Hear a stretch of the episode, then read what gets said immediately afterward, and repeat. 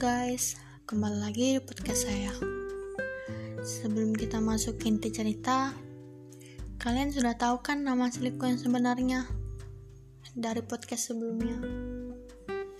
Ya, Adila, bukan Adila nih. Baik, di sini saya akan menceritakan sebuah kehidupan yang berjudul Arti Kehidupan. Di sini kita belajar apa sih arti kehidupan itu? Banyak sekali orang yang memberikan opini tentang kehidupan. Makna dari kehidupan yang harus kita jalani untuk menjalani hidup dengan baik. Saling ketergantungan, kelompok demi kelompok. Jadi, kita tidak bisa hidup sendiri tanpa bantuan dari orang lain. Bersyukur setiap harinya, sabar menjalani hidup. Kadang manusia juga perlu untuk menyendiri, tapi bukan menyendiri untuk selamanya. Selepas itu, manusia perlu menjalani aktivitas yang harus mereka jalani ada perut yang harus mereka kenyangkan, ada otak yang harus mereka jalankan, ada hati yang harus mereka eh, rasakan. Sama dengan wallpaper yang saya buat yaitu rasa. Karena banyak yang harus mereka rasakan.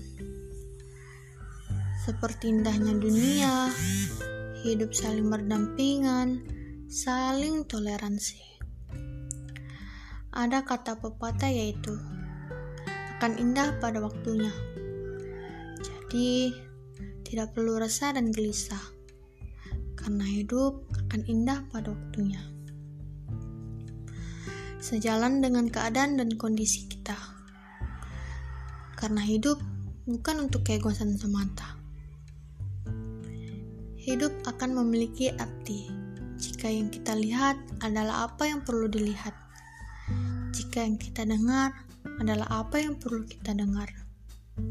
Jika yang kita bicarakan adalah apa yang perlu dibicarakan.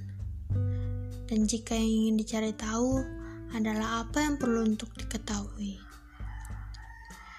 Duka dan kegagalan selalu ada, di saat dan di mana pun kita berada. Namun, hidup itu adil, karena suka dan kesuksesan juga akan datang menghampiri. Maka dari itu, kita tidak perlu untuk berputus asa, karena hidup akan selalu memiliki titik terang ke arah proses yang lebih baik dan terbaik. Karena hidup adalah bagaimana kita memandang dan merenung untuk mendapatkan arti dan tujuan. Dari hidup yang seutuhnya